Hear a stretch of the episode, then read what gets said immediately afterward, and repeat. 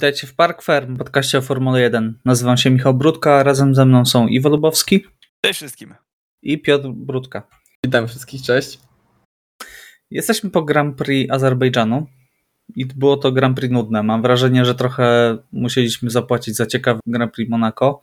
To? Cie nie. Cie ciekawą Imolę i ciekawą Hiszpanię. To, to, taka pokuta trochę była, bo Azerbejdżan jak zwykle miał, miał szansę być bardzo ciekawym wyścigiem. E, natomiast e, no, przez awarię Charla, no tutaj wyścig został zabity, że tak powiem, e, na 20 już okrążeniu i reszta, jeżeli chodzi o czołówkę, to było raczej wyścig na dotoczenie się. Natomiast no, jestem ciekaw, czy wyciągnęliście coś, co was jakoś zafascynowało w tym wyścigu. Iwo, jako ty, jako fan Grand Prix Azerbejdżanu, czy wyciągnąłeś coś ciekawego z Baku, czy jednak przysypiałeś trochę? E, powiem szczerze, przysypiałem trochę, nie będę ukrywał.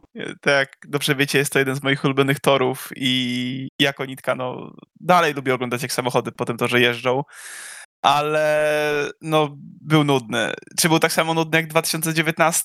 Szczerze mówiąc, tamtego, z tamtego wyścigu nic nie pamiętam, oprócz tego, że Gasly jeszcze jeździł w Red Bullu, e, ale no ukontentowany nie jestem. Parę fajnych występów można powiedzieć, jeżeli chodzi o, o, o tempo e, paru kierowców, ale no zero jakiegokolwiek suspensu, jakiegokolwiek, jakiejkolwiek walki o, o zwycięstwo, ale wydaje mi się, że tak jak Michale wspomniałeś, tutaj możemy chyba podziękować Ferrari za to wszystko. No tak, no tutaj Ferrari załatwiło kompletnie e, ten wyścig.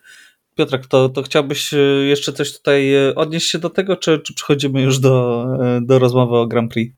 Tak, ja chciałbym dodać jedną rzecz, bo ja zapamiętam chyba do końca życia ten wyścig, bo pierwszy raz widziałem, żeby w trakcie wyścigu i chyba w ogóle bolid Formuły 1 był naprawiany szarą taśmą.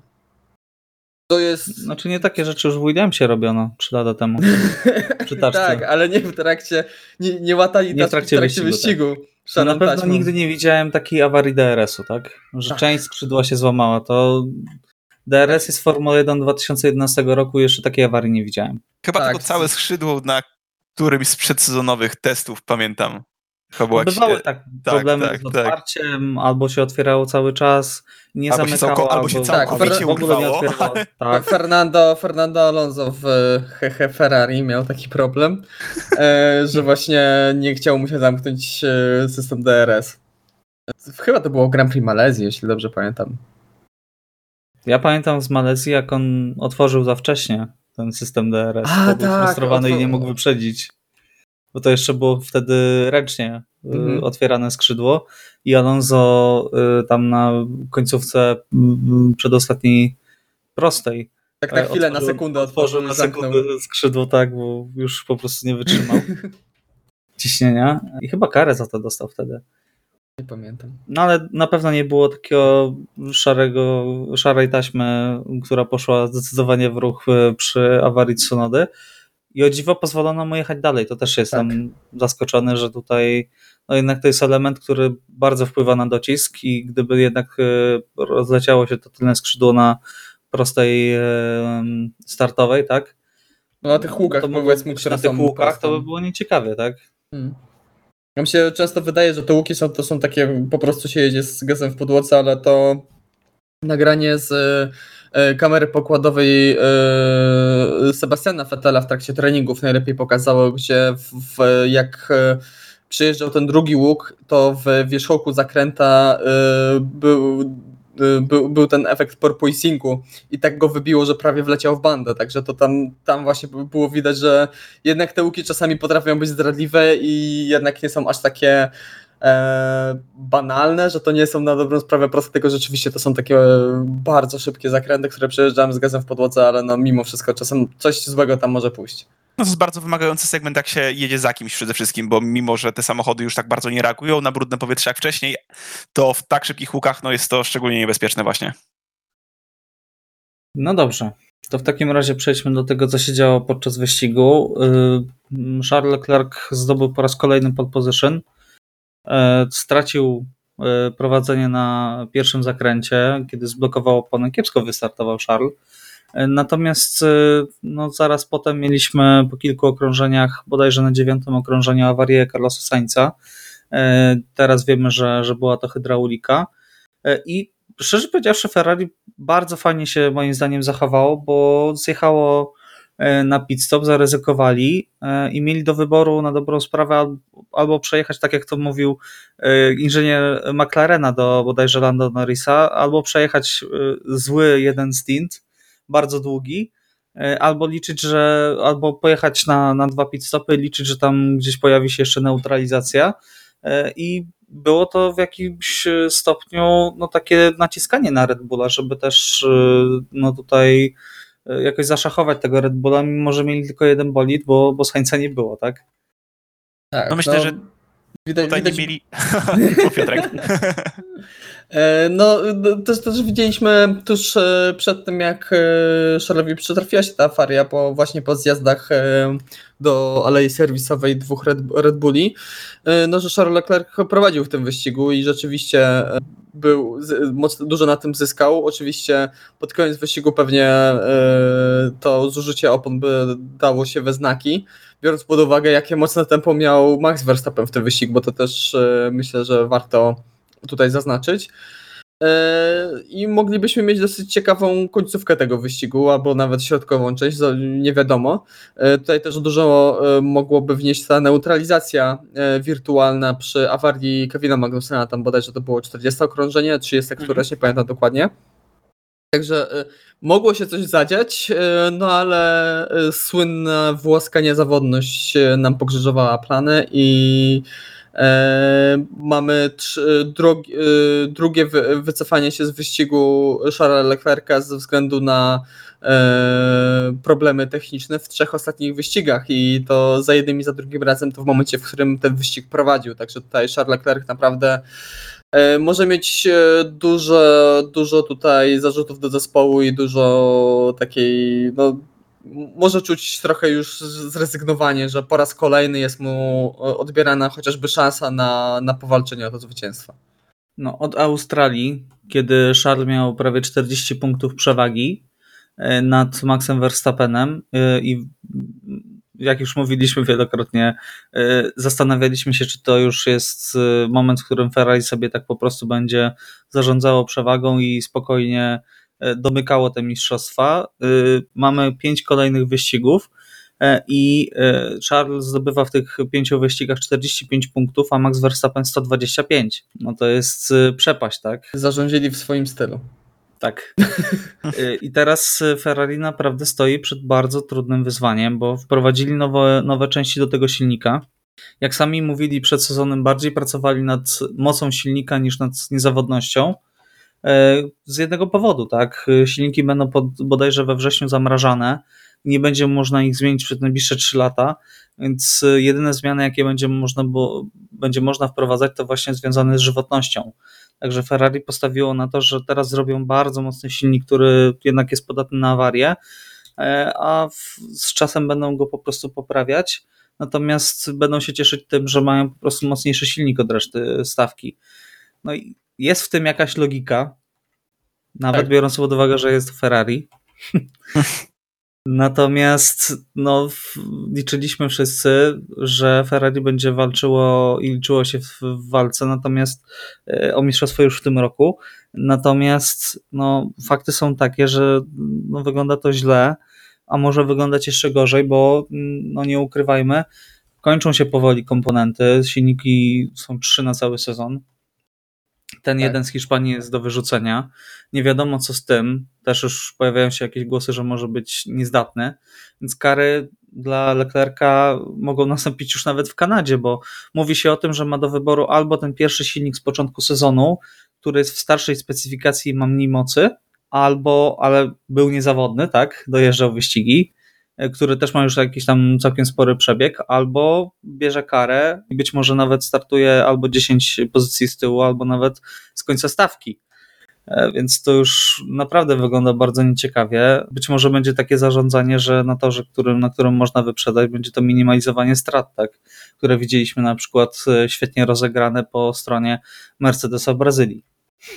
Także jak, jak na to się, y, jak to skomentujecie, tak? Czy, czy Ferrari naprawdę jest teraz w bardzo ciężkiej sytuacji i jakie, jakie wyjście, jak, jak byście wy postanowili po prostu, czy y, jeździmy tą pierwszą jednostką dopóki można i staramy się naprawić, y, poprawić tą niezawodność, czy jednak bierzemy karę na siebie i, i ryzykujemy, żeby mieć po prostu najlepszy silnik w stawce?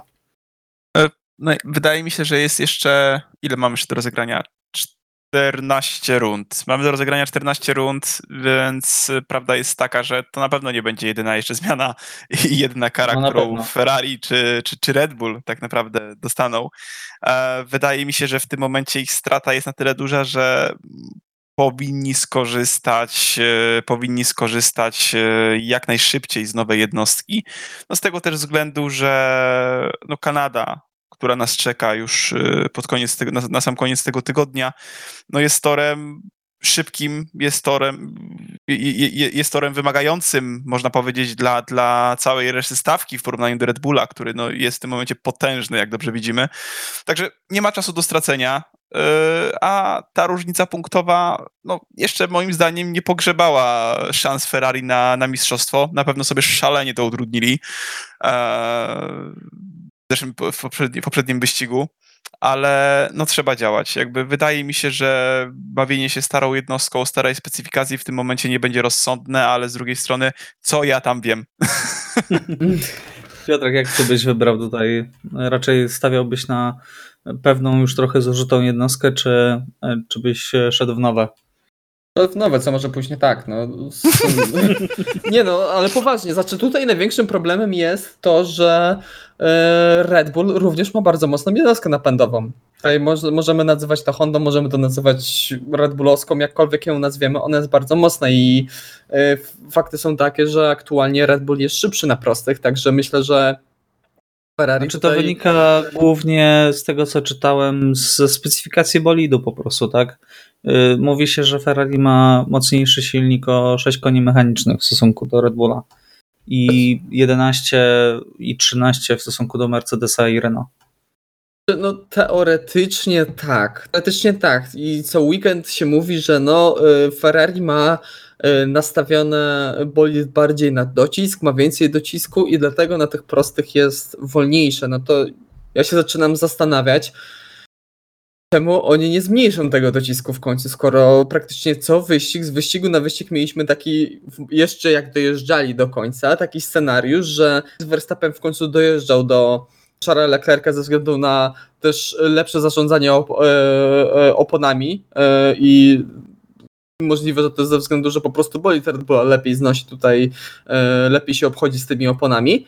E, a w końcowej e, fazie wyścigu w Miami było to najlepiej widać, kiedy Charles Leclerc był na innej trochę strategii i miał szansę wyprzedzić, to po prostu prędkość na prostych mu na to nie pozwalała. Także mm. myślę, że po prostu, że tutaj Ferrari też biorąc pod uwagę to, to, co, to o czym wspomniałeś, że do września jedynie można te jednostki napędowe rozwijać pod kątem osiągów. Później można tylko pracować nad, e, nad niezawodnością, nad żywotnością tego silnika. Także biorąc pod uwagę e, również e, no już dużą stratę, bo to do Red Bulla już y, powoli niedługo będzie, to już jest 90 punktów, także naprawdę Ferrari musi postawić na osiągi w tym momencie, żeby jakkolwiek uratować ten sezon, bo e, z drugiej strony tylko 30 punktów za nim jest Mercedes, który dojeżdża sobie te wyścigi cały czas za tą czołówką, ale je dojeżdża i zdobywa te punkty, także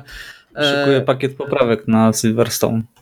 No, ja z tym Mercedesem, ja, ja, już y, trzeci weekend z rzędu słyszymy, że no teraz już Mercedes przywiózł poprawki, już teraz na pewno będą się liczyli. Na razie tego nie widać, także... Jeszcze pożyjemy... pozwól Piotrek, że, że się odniosę do tego, co powiedziałeś. Ferrari przywiozło skrzydło nowej specyfikacji o mniejszym docisku. Już nie było widać takiej dramatycznej różnicy, jak było to w Miami. W Miami to było 17 bodajże kilometrów na prostej. Tutaj w kwalifikacjach z odpalonym DRS-em jeden i drugi e, bolid Verstappen był szybszy bodajże o 5 czy 6 km na godzinę od Leclerca. Także to już nie była taka przepaść i też widzieliśmy w wyścigu, że e, no miał DRS Verstappen dosyć szybko, tak, i jednak nie był w stanie wyprzedzić Leclerca i Leclerc też nie mógł, e, znaczy nie musiał się jakoś dramatycznie bronić. I tak by poszedł w osiągi. bo, no bo Okej. zamrażamy te silniki do e, 2025, jeśli dobrze pamiętam, tak? Tak. No, no to najbliższe e, dwa sezony już nie można na, rozwijać tego silniku, także to naprawdę można, e, mo, mogą to przepłacić mistrzostwem w tym sezonie, ale to się może zwrócić i może to naprawdę zaowocować w przyszłości.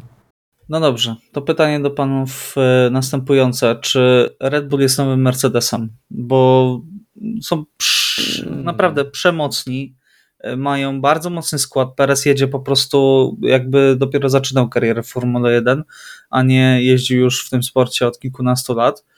E, Dodatkowo no, mają ten komfort, że rozwiązali te problemy z niezawodnością, przynajmniej na razie.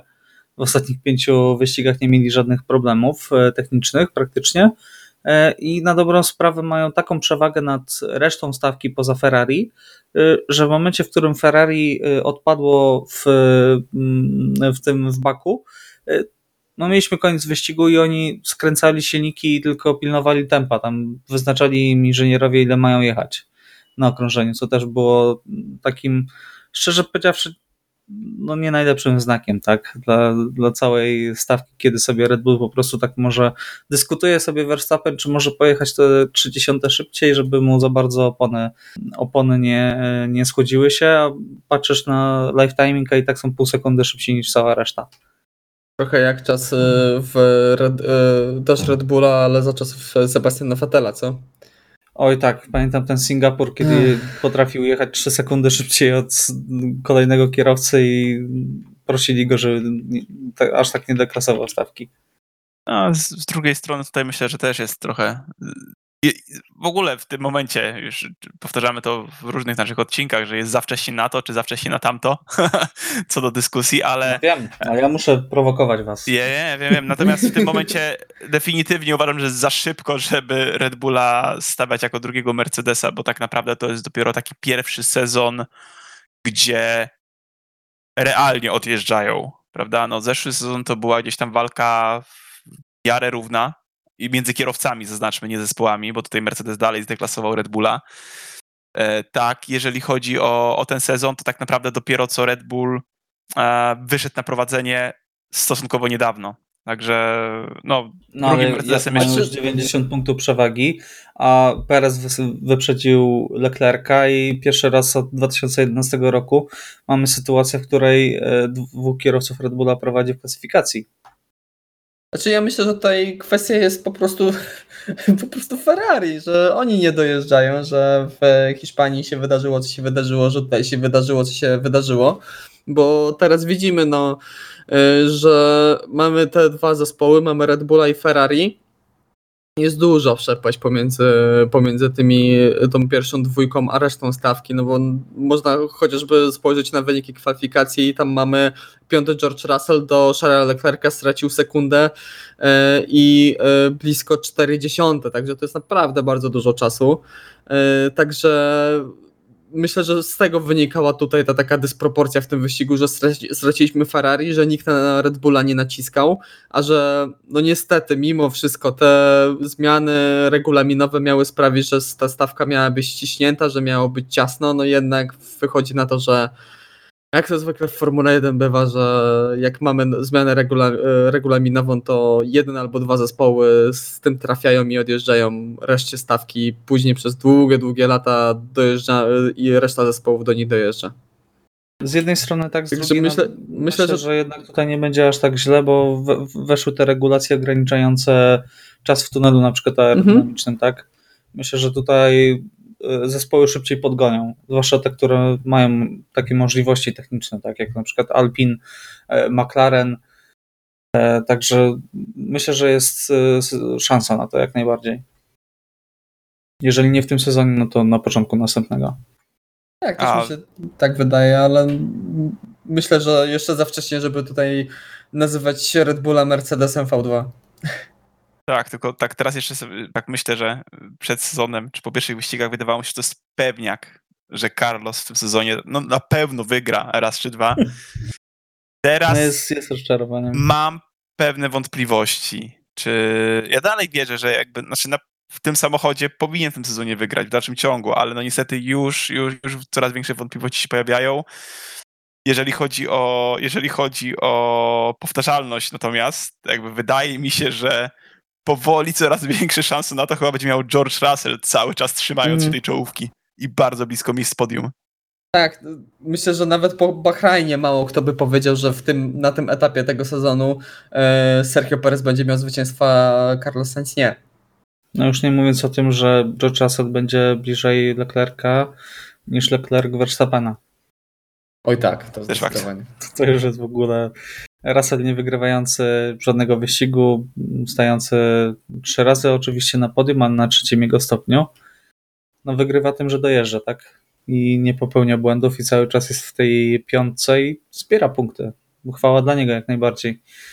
E, Natomiast też e, chciałbym tutaj mm, przytoczyć jedną bardzo ciekawą i smutną dla fanów Ferrari ciekawostkę. Ciekawą ciekawostkę.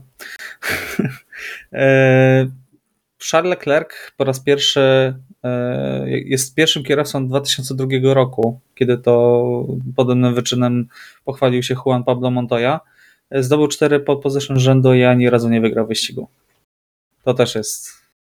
Mam wrażenie, że Ferrari mm, no, za- za bardzo.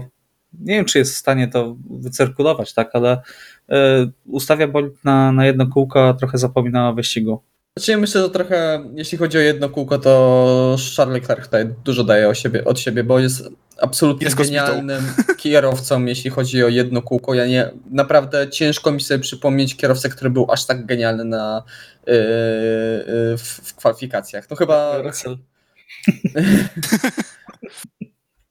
chyba, yy, chyba tak mi się przypomina na dobrą sprawę te właśnie czasy świetności Red Bulla i Sebastiana Vettela, że, gdzie ostatnio kierowca tak deklasował i tak po prostu potrafił z kapelusza wyciągnąć taki genialny czas w, w sobotniej czasówce. E, Także myślę, że tutaj bardziej Charles Leclerc, jedzie ponad, ponad e, możliwości bolidu, niżeli to Ferrari rzeczywiście jest aż tak szybkie w tych kwalifikacjach. No dobrze. To w takim razie porozmawiajmy o Mercedesie. E, Jako, że nie chcieliście przyznać, że Red Bull jest nowym Mercedesem, to porozmawiajmy o srebrnych strzałach. Ma być karę. E, Trochę tak. Słuchajcie, jest, jest problem z Mercedesem. E, Nie. Mieli się liczyć e, w Baku, nie liczyli się kompletnie.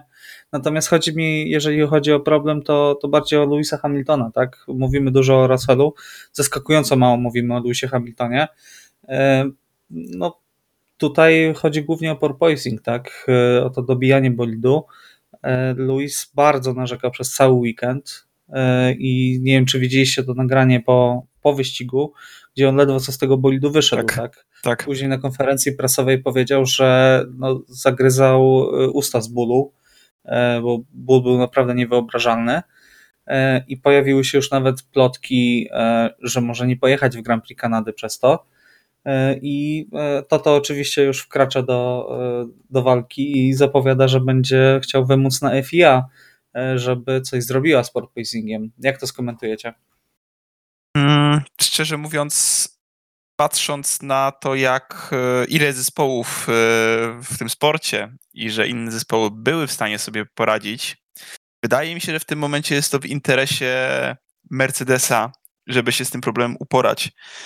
E, Na pewno są sposoby, żeby, żeby tego porpoisingu się pozbyć w sposób szybki. Pytanie, czy jak bardzo negatywnie wpłyną one na szybkości tego auta i na, na, na wydajność tego samochodu, ale no w momencie, kiedy mamy kierowcę, który widać, że chce wywrzeć, szczególnie po komunikatach, widzieliśmy, jako Hamilton chciał wywrzeć olbrzymią presję na zespole, mówiąc, że samochód po prostu, że to był jego najtrudniejszy wyścig w karierze, przynajmniej fizycznie.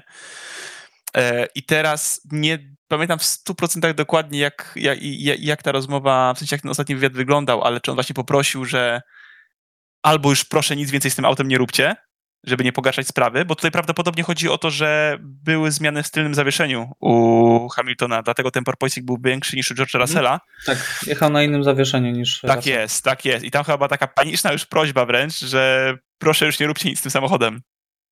która oczywiście też oznacza, że no, naprawcie to cholerstwo, prawda, w dużym skrócie. E, no przykra sprawa, ale nie sądzę, żeby FIA miało w tym momencie ingerować ten temat. Chyba, że faktycznie będzie on już dotyczył no, zdrowia kierowców. A no teraz ta skala nie jest już taka duża, jest skala, skala pojedyncza, jeżeli chodzi o aż tak, aż tak bardzo duże narzekanie. Na pewno podstawne, bo, bo, bo wszyscy to widzimy to samo na, na, na, na naszych odbiornikach. Ale, ale no Mercedes musi sam sobie z tym poradzić, uważam. Nawet kosztem zmniejszenia prędkości tego samochodu. Podnieście no samochód. No właśnie tak, chciałem Piotr, żebyś to powiedział, bo, bo, bo ty jesteś ten techniczny. ale, ale, tak, ale Znalazł, tak, tak, tak. Znalazłem jeden prosty trik. Tak.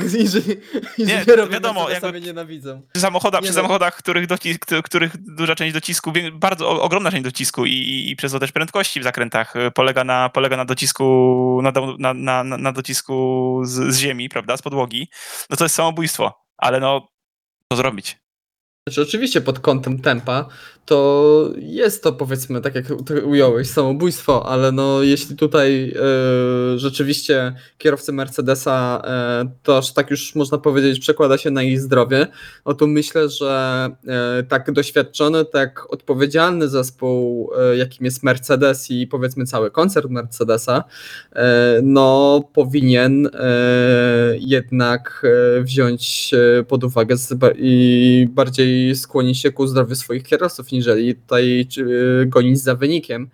Bo oczywiście to najlepiej e, wyjaśnił i najlepiej to skomentował Lando Norris, że oczywiście e, u nich w, McLarenie też jest ten problem, że e, oni mogliby obniżyć samochód i sprawić, że byłby o wiele szybszy i podciągnąć tym, tym sposobem do, do czołówki ale no, zmagaliby się z, podobną, z podobnymi problemami na podobną skalę co Mercedes aktualnie. Także myślę, że tutaj po prostu trzeba podnieść ten samochód. I oczywiście ucierpią mocno, jeśli chodzi o tempo, i zarówno na jednym jak i na dłuższych przejazdach.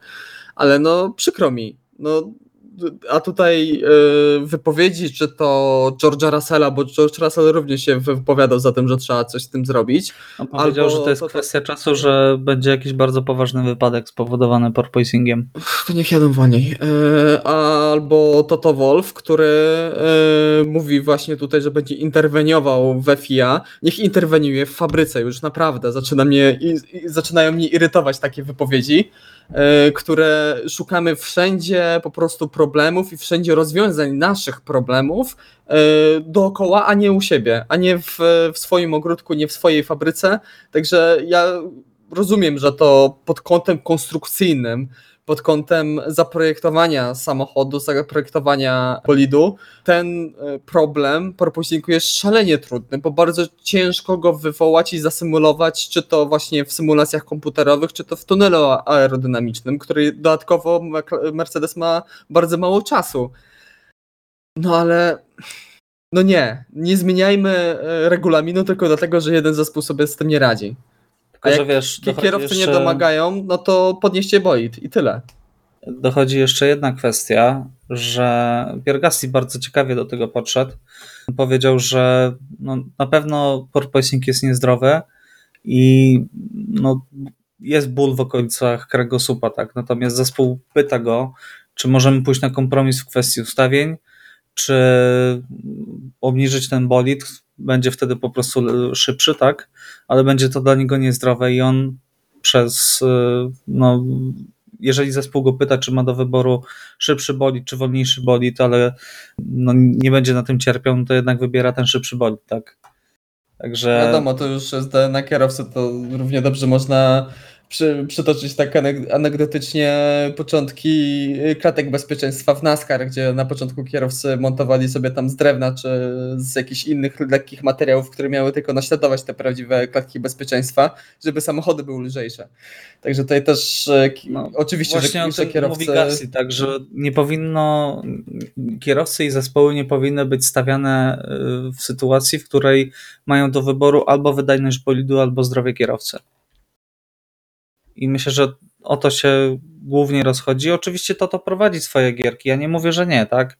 Jemu by się najbardziej w tym momencie opłacało, żeby podnieść wszystkie bolidy na jakąś tam określoną wysokość, bo wtedy no, do, doszosuje do e, zespołów, które sobie lepiej radzą z porpoisingiem i potrafią ten bolid dużo niżej, e, bez konsekwencji takich zdrowotnych dla kierowcy e, obniżyć.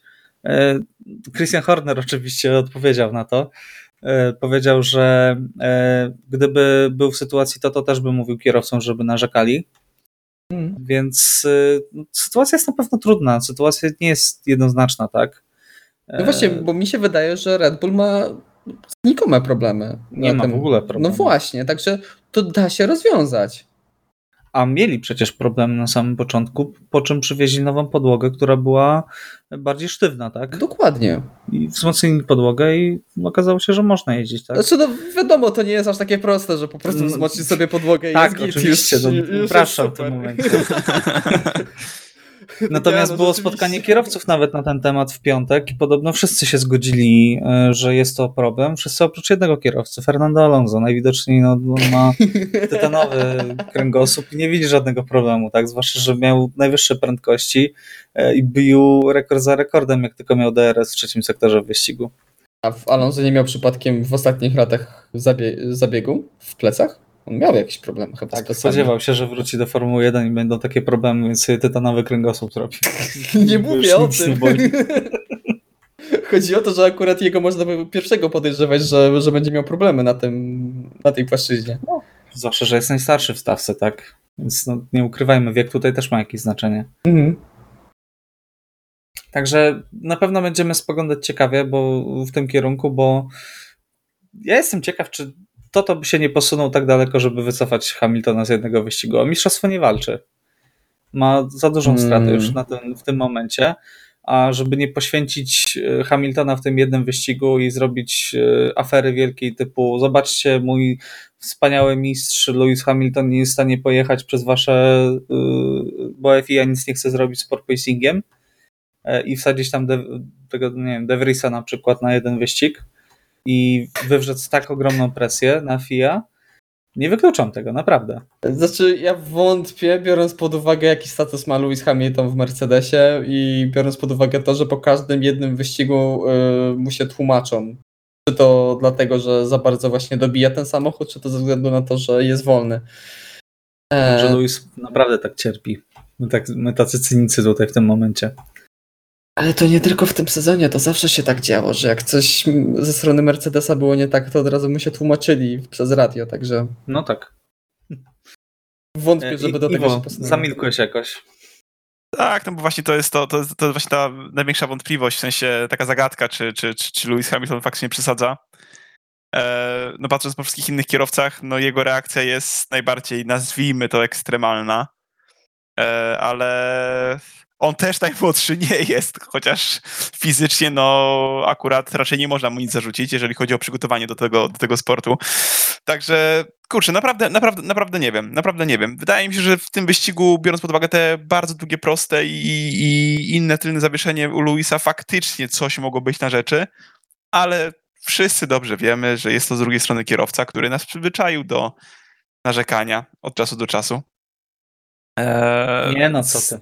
No, więc y, no, wydaje mi się, że zobaczymy dopiero, zobaczymy w Kanadzie, czy coś się zmieni, jeżeli chodzi o ustawienie tego auta, e, w sensie, jeżeli chodzi o tył e, i czy faktycznie na tak szybkim torze też będą podobne problemy w dalszym ciągu. Louis w Kanadzie zawsze był mocarny, jeżeli tak. chodzi o tempo, e, a tam są, no, są długie proste, tak? Mhm. Jest to bardzo szybki tor. Tak no na pewno nie będzie chciał odpuścić ani, ani, ani podnieść auta.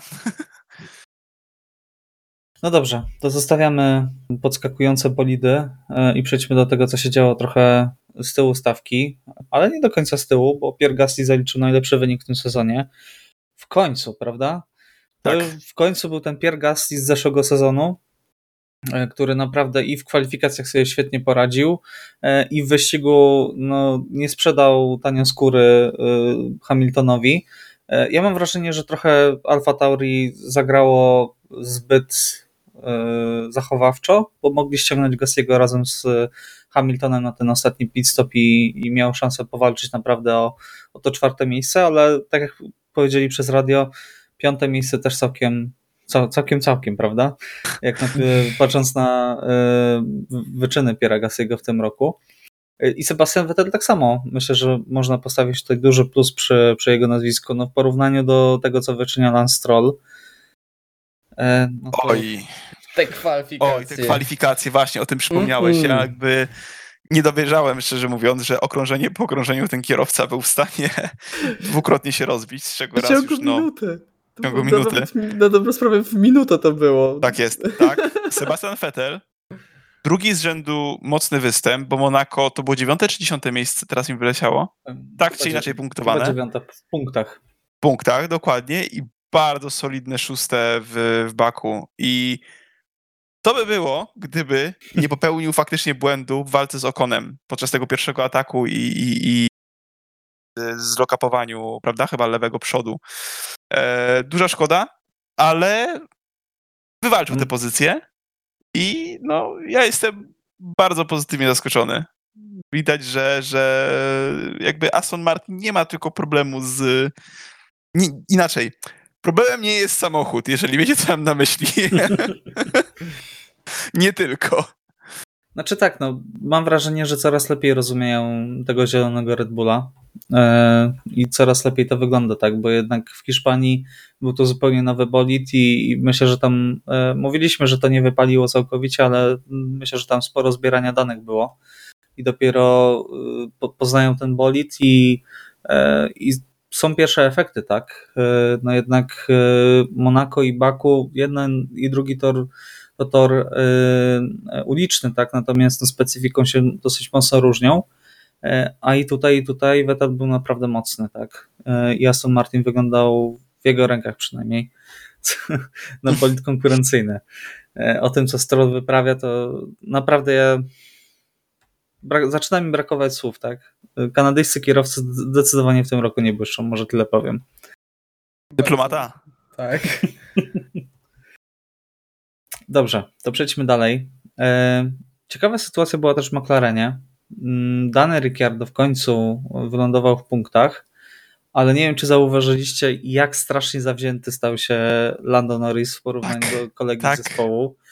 E, no, jak, jakby poczuł po prostu krew, tak? Jakby tutaj no, Ricciardo był taką ranną zwierzyną, zwłaszcza pod koniec wyścigu e, i e, jak na początku wyścigu nie, no, nie widział żadnego problemu z tym, że był wolniejszy od swojego kolegi z zespołu i zespół kazał zachować pozycję, to na koniec te, ja rozumiem, że no, walka o pozycję to jest kierowca wyścigowy i zawsze chce walczyć, tak?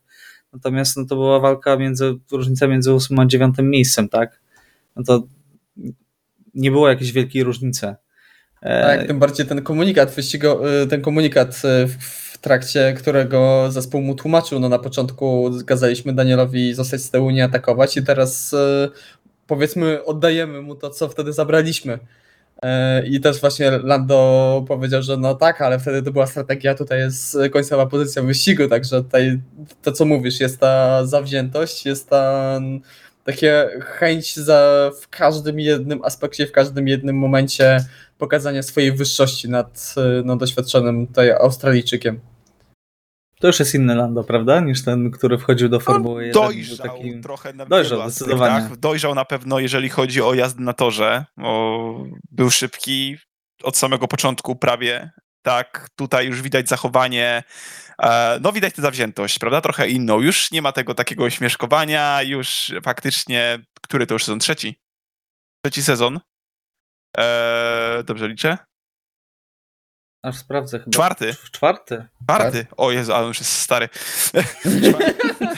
Czwarty, 22 lata, no. No, czwarty, czwarty sezon i jakby widać, że jest to czwarty sezon e, i no nie jest on już tym młodzieniaszkiem, który dostał do zespołu szalenie kiedyś szybkiego i, i świetnego kierowcę Daniela Ricciardo.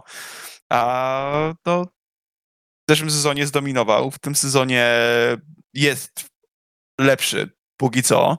E, no ale Daniel, Danielowi się chyba też nie dziwimy, prawda? Jakby sam początek wyścigu, prawie sam początek wyścigu, kiedy prosi, kiedy też daje jasny komunikat, że jest szybszy od Lando Norrisa, e, też chce mieć szansę się wykazać, widząc co się działo przez ostatnie półtorej roku. No i przede wszystkim te jakie komentarze chodzą po sieci, tak? E, I te plotki mówiące o tym, że to jest ostatni sezon Daniela Ricciardo, być może nawet w Formule 1, tak? Że tutaj mam wrażenie, że jeżeli będą blisko siebie kierowcy McLarena, to zobaczymy jeszcze jakieś fajerwerki w tym sezonie. Tak, bardzo grzecznie jest pomiędzy zespołowymi kolegami w tym sezonie, także tak, gdzieś musi dram. Gdzieś w końcu musi, y, musi trochę być jakieś dramy, jakiejś tej y. Netflix to przewidział. Tam, tam zrobił nawet dramę dref... pomiędzy Botasem a Guan Yu Zhou, ja wam no mówię. Bo to w będzie... zeszłym, zeszłym roku podobno tam kreowali tą dramę pomiędzy Lando a y, Danielem, tak tutaj chyba tak, nie będą tam musieli. były te sceny z kontraktem. Ojejku. Scena no. z kontraktem była, z tego co pamiętam, to jak dorobione jakieś komentarze odnośnie Innego dublowania w Monako, tak? A, Monaco Te- akurat było w miarę, było. ba, ba, bałem się, że będzie coś gorszego, ale, ale tak, no, no, było pokazane, by, był pokazany Daniel Ricciardo jako ten, no, na definitywnie gorszej pozycji. No dobrze. Czy chcielibyście coś jeszcze dodać tutaj? E, Ja z mojej strony dodam jeszcze, że martwi mnie bardzo zadeszka taka, którą złapała Alfa e, i przede wszystkim Has. Bo pamiętacie, jak na początku sezonu zachwycaliśmy się Hasem, który wchodził do Q3, Hasem, który punktował. Natomiast e, no, ta pasta się zdecydowanie skończyła. Tak? Kevin Magnussen nadal 15 punktów e, i w tym momencie dogonił ich Aston Martin i zaczyna to wyglądać na dziewiąte miejsce w e, klasyfikacji konstruktorów. Nadal żadnych poprawek nie ma ze strony Hasa. Nie wiem, czy To tutaj jest- pie- pieniądze Mazepina się może skończyły. Tak, to jest pierwsza sprawa. Druga sprawa, no kierowca, który gdzieś tam, gdzie niegdzie w komentarzach był nazwany drugim Mazepinem, czyli Mick Schumacher. Który- I- Przez nas nazwany. Tak, tak. I szczerze mówiąc, jakby, no Schumacher Nie dowodzi. nie dowozi. Jakby nie jest materiałem, uważam, żeby zostać w tym zespole. Mówimy to o Hasie, rozmawiamy cały czas o Hasie, ale no na siłę. No właśnie. No ale słuchajcie, no, mieliśmy tor uliczny i się nie rozbił. No tak, super, wow. Wow. wow, naprawdę, Michał. Ale tempa, ale tempa nie miał kom- kompletnie, tak? tempa nie miał zupełnie. 17 sekund bodajże w końcowej fazie za Jakby wypadałoby dowieść, przednim, tak? dowieść, by- było już parę okazji na punkty, no wypadałoby dowieść już jakiś punkt w bolidzie, który no jest do tego przystosowany w tym sezonie, żeby punkty dowozić. W miarę regularnie.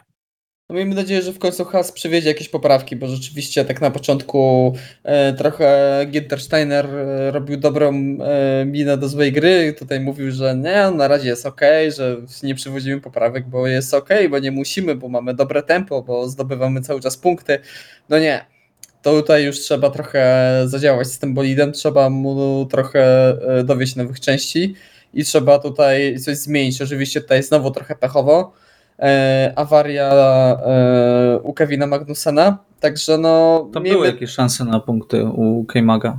Tak, tak. To się mo- mogło, mogło się generalnie udać. Także myślę, że tutaj trochę e, pecha mieli w ostatnich wyścigach. Miejmy nadzieję, że, się to, e, że to się odwróci, może już w Kanadzie. No dobrze, to czy chcielibyście jeszcze coś powiedzieć na temat Nicolasa Latifiego?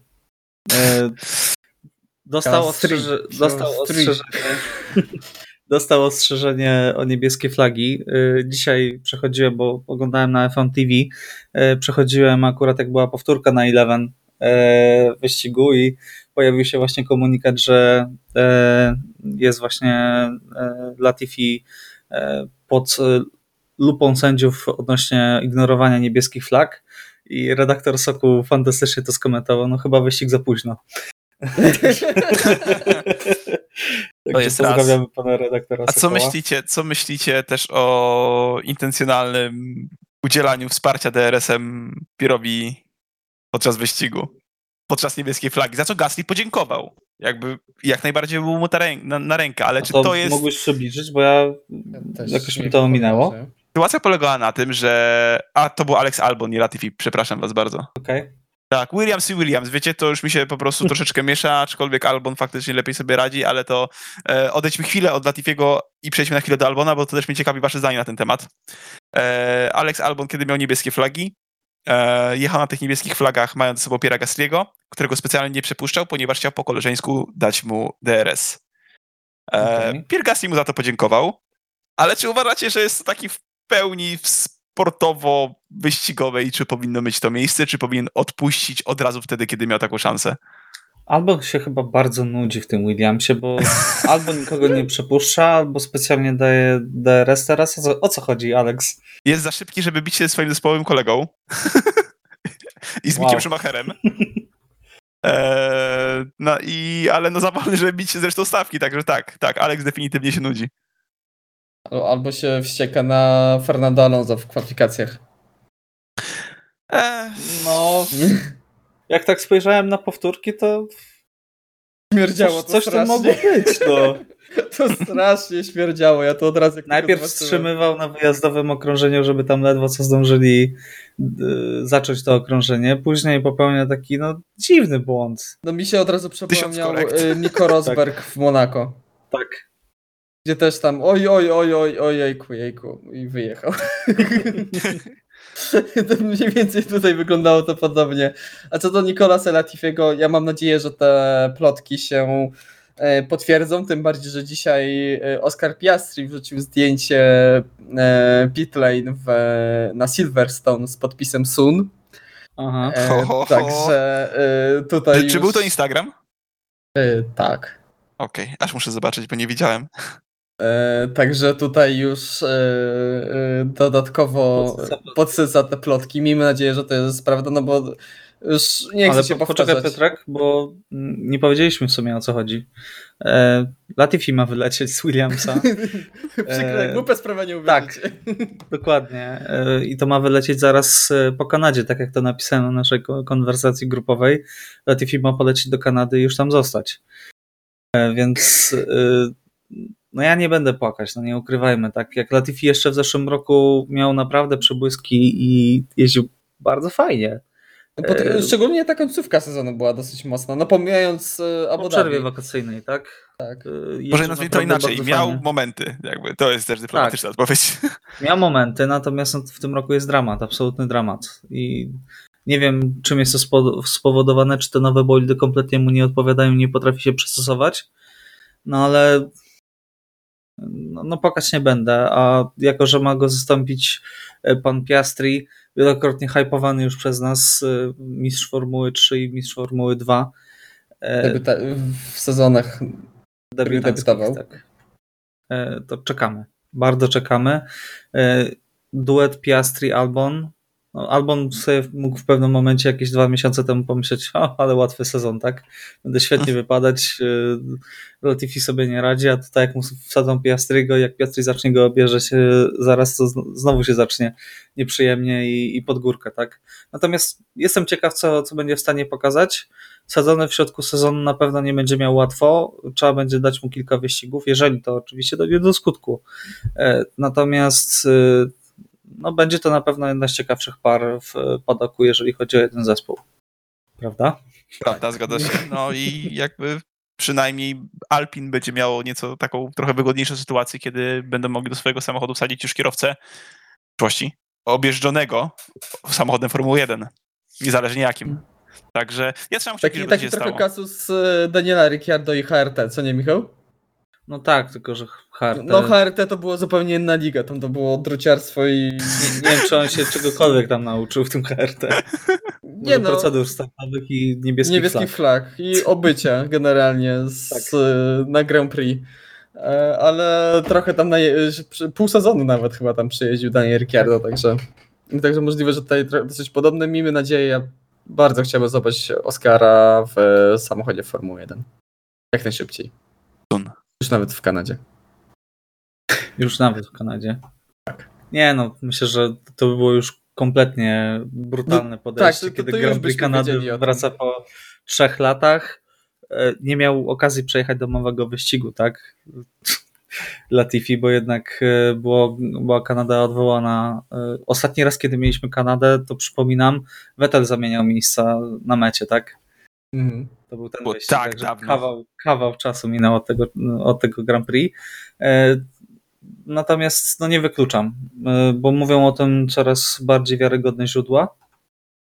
A też Williams mam wrażenie, że jest w trochę lepszej sytuacji finansowej i tak y, nie polegają na no, wsparciu finansowym, które jednak do zespołu wrzucał, wrzucał Latifi, tak? Także zobaczymy. Czekamy, tak, panie Piastri? Witamy. Tak Oby na tak. zaś już mówiąc. Dobrze, czy chcielibyście coś jeszcze powiedzieć odnośnie Grand Prix Azerbejdżanu, czy, czy zamykamy ten temat i zaczynamy już myśleć powoli o Kanadzie? Ja jestem po prostu smutny, że ten wyścig był nudny, naprawdę. No tak hypowałeś, tak? Mówiłeś, że tak, będzie lepiej no. niż Monako, a, A było wyszło- gorzej. Było gorzej. Dobra, było gorzej, było, było, było gorzej jednak. Ten, de, ten, de, ten deszcz w Monako jednak troszeczkę tam jakieś emocje dał, ale no, czy jeden, czy drugi, do zapomnienia. No dobrze, to Grand Prix Kanady, panowie. Yy, tylko jeszcze o jednej rzeczy wspomnę. Yy, będzie nowy film o Formule 1 kręcony. Nie wiem, czy słyszeliście. Byliśmy. Mhm. Jestem bardzo ciekaw, jak, jak będzie to wyglądać. Yy, Główną rolę ma zagrać Brad Pitt. Ma zagrać starego mistrza, który wraca do Formuły 1, żeby uczyć jakiegoś młodego, yy, zdolnego, yy, po- yy, który ma pokonać jeszcze innego kierowcę. Także Piękna historia. Piękna historia. Producentem, producentem, do, do roli producenta został zatrudniony Lewis Hamilton, też należy dodać. Co daje nadzieję na to, że no, bolidy będą miały problemy z oponami. E, I że będzie to. To było złośliwe trochę z mojej strony, przepraszam. Że będzie porpoising. Nie. No mam nadzieję, że po prostu będzie godnie oddany ten, ten sport, tak? Bo różnie Hollywood sobie radziło z Formułą 1. Film Rush z 2013 roku był absolutnie fantastyczny. Polecam wszystkim, jeżeli jeszcze nie widzieliście. Natomiast poza tym, no to tego tak strasznie dużo nie było, tak? A jednak no, hype na Formułę 1 e, jest ogromny w tym momencie. E, I myślę, że to też jest pochodna tego, że i Hollywood już się zaczęło interesować tematem. Zobaczymy. E, Także Grand Prix Kanady, panowie. Mm, Mogę jeszcze? Tak, proszę Tak, bardzo. taki off-top, jak, y, jak zacząłeś o tym filmie, to ja bym Mhm. chciał trochę powiedzieć o naszych Polakach, rodakach. Bo mieliśmy fantastyczny weekend, jeśli chodzi o nasz polski motorsport. Ach, no tak. Y, I myślę, że trzeba o tym powiedzieć, mimo wszystko, bo e, po pierwsze, mieliśmy kolejny bardzo dobry weekend Tymka Kucharczyka w e, hiszpańskiej Formule 4, gdzie e, w- na trzy wyścigi dwa razy plasował się na podium. Jest e, drugi w klasyfikacji generalnej e, tych mistrzostw, także bardzo dobrze sobie radzi. E, Mieliśmy rajd polski, gdzie pierwszy raz od 9 lat wygrał Polak, wygrał Mi, e, Miko Marczyk, także też wielki sukces. E, No i mieliśmy Le Mans, w którym e, w klasie LMP2 Robert Kubica, e, Louis de la Tras i Colombo dojechali na drugim miejscu w swojej klasie, także to też mieliśmy pierwszy raz Polaka na podium klasy jakiejkolwiek Le Mans w historii tego wyścigu, także myślę, że to trzeba trzeba o tym powiedzieć. Dziękuję. O, on to zdecydowanie. tak, bo naprawdę tak jak zeszłe Le Mans było pomijając, że było niesamowicie bolesne, tak e, były momenty, gdzie trochę Robert miał gorszego tempa, tak tutaj był zdecydowanie najmocniejszym elementem tej trójki w premie. No i są trzeci w, w klasyfikacji generalnej, także tutaj są bardzo blisko i mimo tego kiepskiego początku sezonu WK, to mogą powalczyć nawet o, nawet o mistrzostwo. Tak, także zdecydowanie gratulujemy i czekamy na więcej. Jestem ciekaw, czy Robert będzie chciał w przyszłym sezonie wrócić na Le Mans i, e, i do trzech razy sztuka. Oby w E, Hypercarze. wygrać. Oby w Hypercarze, oczywiście. Natomiast zobaczymy, jak to wszystko, wszystko wyjdzie. Natomiast Robert będzie też dostępny, będzie obecny w Kanadzie i myślę, że możemy w końcu przejść do y, rozmowy o Grand Prix Kanady. Czego się spodziewacie? Jakie są wasze y, przewidywania? Piotrek może zacznij, bo ostatnio Iwo zaczynał. E, To ja bardzo się cieszę, że ten e, tor wraca, bo jest świetny. Tutaj zazwyczaj wyścigi były bardzo dobre. Też właśnie polscy kibice mają świetne wspomnienia z 2008 roku, związane z tym torem i jedynym triumfem Roberta. Jak już wspomniałem o Kubice, to wspomnę jeszcze raz. Ale jeśli chodzi o ten weekend, myślę, że biorąc pod uwagę właśnie tą prędkość na prostych Red Bulla, myślę, że tutaj będzie e, w sobotę wygra Sergio Perez, bo ostatnio jest w świetnej formie i myślę, że w czasówce może się okazać lepszy, a w wyścigu wygra e, Max Verstappen. A kierowcą dnia? A kierowcą dnia będzie. E, będzie, będzie Lewis Hamilton znowu, Okej. który wystartuje jednak. Nie, no wystartuje. No, od, odważnie. E, Iwo, jak stawiasz? Czego się spodziewasz po wyścigu? No, mam nadzieję, że ciekawego wyścigu. Tutaj Kanada jest jedną z moich ulubionych nitek i no, bardzo bolało mnie to, że przez tyle lat i tak naprawdę nie widzieliśmy. E, także tęskniłem i to mogę powiedzieć. E, mam nadzieję przede wszystkim, że będzie jakaś znowu mieszana pogoda. Żeby Ma być troszeczkę zimno? popadało. Właśnie, właśnie w tym momencie sprawdziłem. Szansa opadów 25%. 25% i ma być 17 stopni, także ma być bardzo Okej, zimno. Okej, okej, okej. Znaczy, mam nadzieję, że to nie będzie tam 6-godzinny wyścig, czy ile tam ten Jak w wyścig 2011. kiedyś tam Oj, trwał. Oj, to był tak? fantastyczny, Jezu. E, bo mówię, nie wstaniemy rano do pracy, ale, ale liczę faktycznie, liczę faktycznie na mieszane warunki pogodowe, bo no chcę, żeby ten wyścig w końcu był emocjonujący po tych dwóch ostatnich, które niestety troszeczkę mnie wynudziły. Jeżeli chodzi o to, na co ja stawiam, to wydaje mi się, że trochę inaczej będę stawiał, żeby mieć jakieś szanse w dalszej walce. E, wydaje mi się, że w sobotę wygra e, Max Verstappen, w niedzielę Sergio Perez, a kierowcą dnia zostanie Sergio Perez. E, Jeżeli chodzi o mnie, e, od Imoli stawiam cały czas na wygraną w kwalifikacjach Leclerca i zostanę przy tym. bo Uważam, że jednak No tak, to jest produk- pro- produkcja punktów darmowa. no tylko na tym ostatnio zdobywam punkty. Natomiast w wyścigu stawiam na Maxa Verstappena, e, a kierowcą dnia dajmy na to zostanie Fernando. Alonso. Nie, Fernando Alonso. E, Alpinki były bardzo szybkie na, na prostych, także myślę, że tutaj Nando może coś wyczarować. E, Także to by było na tyle, jeżeli chodzi o kolejny odcinek Park Farm. Dziękujemy Wam bardzo za uwagę. Słyszymy się wkrótce i życzymy Wam udanego e, Grand Prix e, Kanady. Pamiętajcie, że wyścig, e, jako że ścigamy się w Kanadzie, jest troszkę później, o godzinie 20, także jest udane, udanego zakończenia tygodnia Wam życzymy. Natomiast o Grand Prix Azerbejdżanu rozmawiali Iwo Lubowski, Dzięki wszystkim i do usłyszenia. Piotr Brudka Dzięki wszystkim, cześć. i Michał Brudka. Trzymajcie się, cześć.